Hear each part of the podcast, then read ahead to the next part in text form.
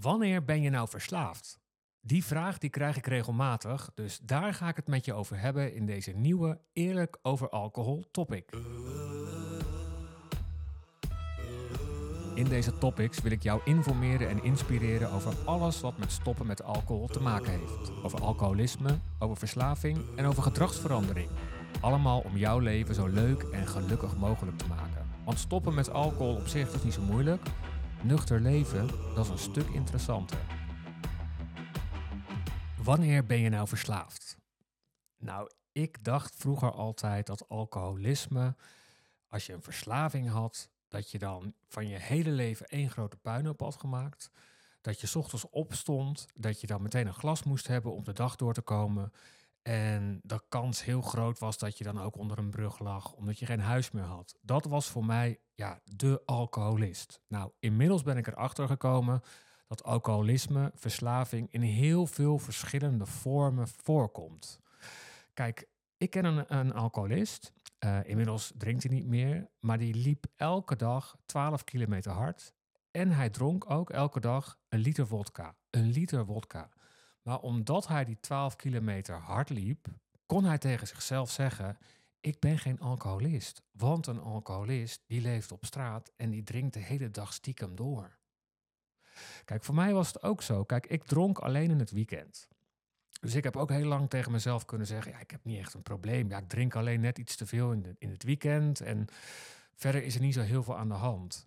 Maar als ik eerlijk ben en was tegen mezelf, dan was mijn hele week gepland rondom dat weekend waarop ik kon drinken, waarin ik kon drinken. En op vrijdag ja, ging zo snel mogelijk die fles open en wilde ik zo snel zoveel mogelijk drinken. En kon ik ook eigenlijk niet meer stoppen.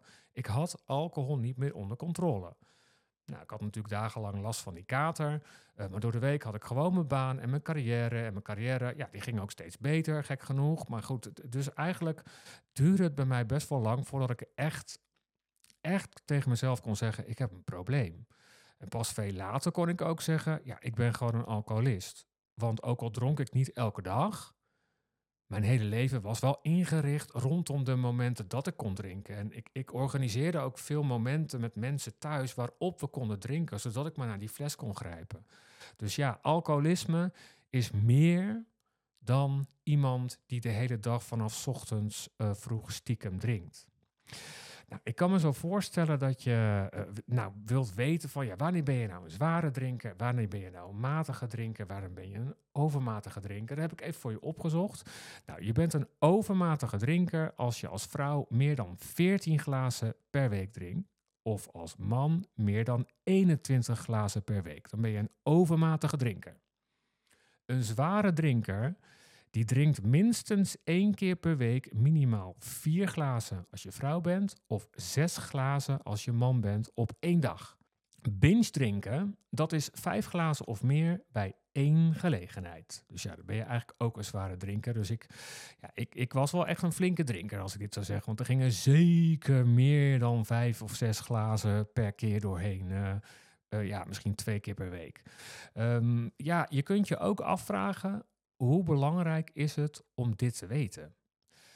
Het zou zo kunnen zijn dat je misschien twee glazen per dag drinkt en dat je daar toch last van hebt. Dat je toch eigenlijk, laat maar zeggen, die hele dag bezig bent met, dat, met die ene twee glazen die dan aan het eind van de dag voor je klaarstaan. Vraag is dus, is dat dan ook een verslaving? Ja, het, het antwoord wat mij betreft is dan toch wel ja. En als je eerlijk bent naar jezelf, de podcast heet niet voor niets eerlijk over alcohol, dan weet je wel of dat een probleem voor je is of niet. Nou, om nog even wat meer informatie te krijgen, uh, ga ik bellen met William Donker. Hij is vaker te gast geweest in mijn podcast. Hij is de counselor geweest die mij destijds heeft geholpen. Ik ging uh, eh, 13 weken lang elke woensdag met hem in gesprek. Woensdagmiddag zaten we dan dik twee uur te praten over alcohol, de rol van alcohol in mijn leven. En ik heb hem ook die vraag voorgelegd. Hij is al jarenlang counselor, zelf al heel lang verslaafd geweest, maar inmiddels ook al heel lang zonder middelen. En nou, ik heb het hem ook gevraagd: wanneer ben je nou verslaafd? In mijn optiek ben je verslaafd als je geen keuzemogelijkheid meer hebt om wel of niet te gaan drinken. op het moment dat je dat van plan bent. Op het moment dat zeg maar in je hoofd een besluit wordt gemaakt van ik ga vanavond lekker los. Ja. eh, dan niet meer de keuzemogelijkheid te hebben om te zeggen nee, dat is niet slim, ga ik eigenlijk niet doen. En maakt het dan ook nog uit hoeveel je drinkt? Nee, nee, ik heb mensen behandeld die twee wijntjes op een avond dronken.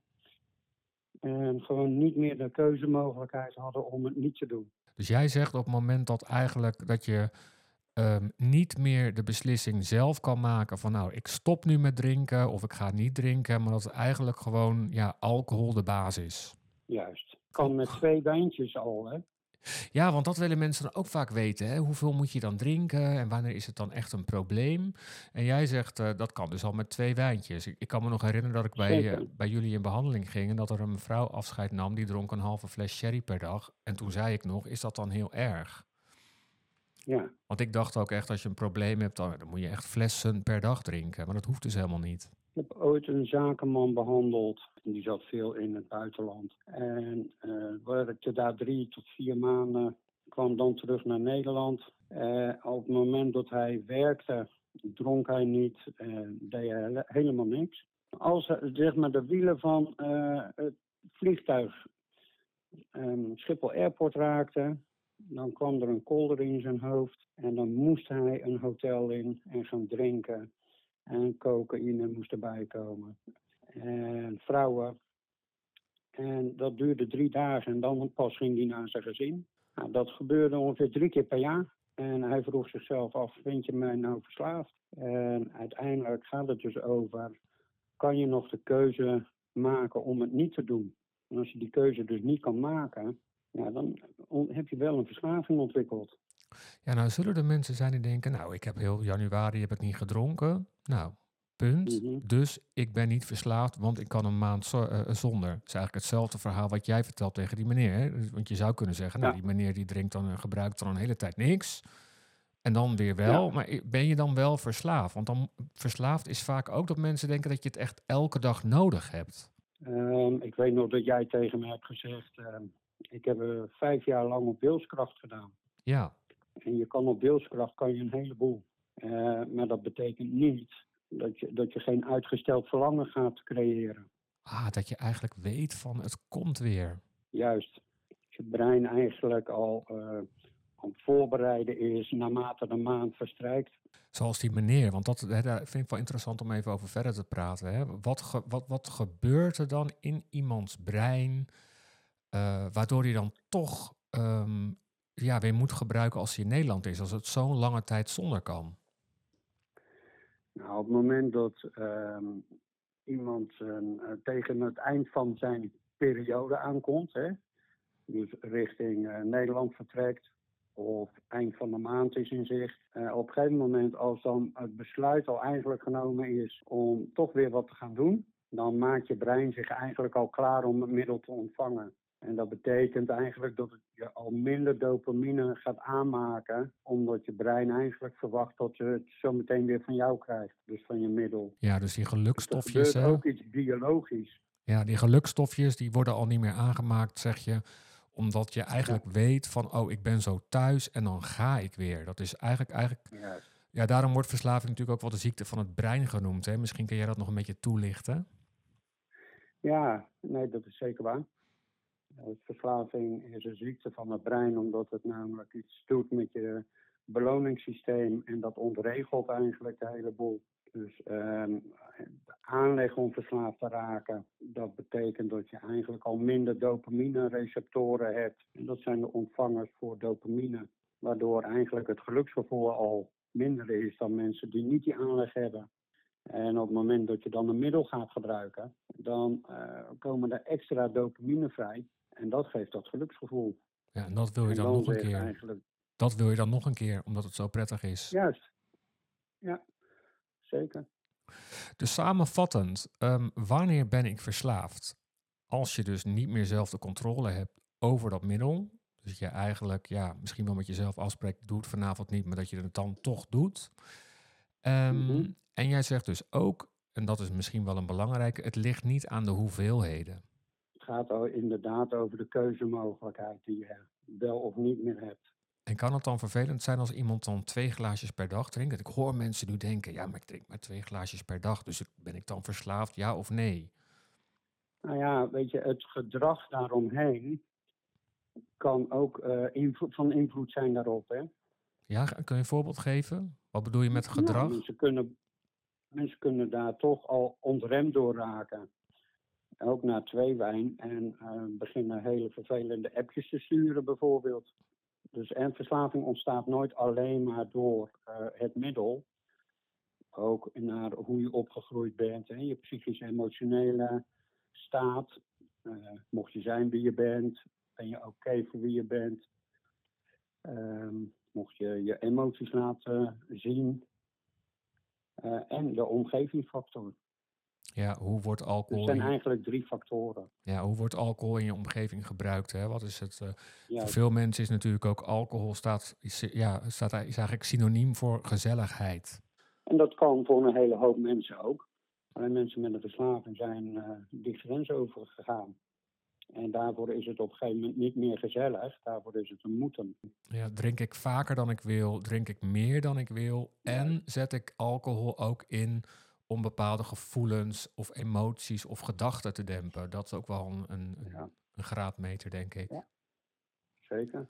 Nou, William, leuk dat je weer een keertje uh, aanwezig bent in de podcast. Je was toch uh, ja. de, de, allereerste die ik sprak uh, in deze reeks van meer dan 30 afleveringen inmiddels. Oké, okay, graag gedaan. Keep up the good work. Yes. Nou, de conclusie is dus eigenlijk, hè, drink je vaker dan je wil. Drink je op de momenten dat je drinkt meer dan je eigenlijk zou willen. Heb je je middel niet meer onder controle. En zet je alcohol in om bepaalde gevoelens, emoties of gedachten te doven. Ja, dan zou je kunnen zeggen dat er toch een afhankelijkheid, een, ja, sowieso een onhandige relatie met alcohol is ontstaan. En misschien durf je ook wel tegen jezelf te zeggen dat je een verslaving hebt. En in mijn missie is het ook om dat taboe en dat stigma rondom verslaving uh, eraf te halen. Want hoe erg is het echt om tegen jezelf te kunnen zeggen: Ik ben verslaafd? Ja, je kunt er verantwoordelijkheid voor nemen. Je kunt er van alles aan doen. Dus nou ja, wees eerlijk tegen jezelf. Uh, leuk dat je luisterde naar deze Eerlijk over Alcohol topic. En uh, graag tot de volgende.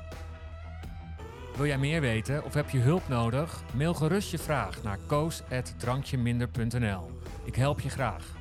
Op de website drankjeminder.nl vind je alle informatie over de online trainingen die jou kunnen helpen bij een alcoholvrij leven.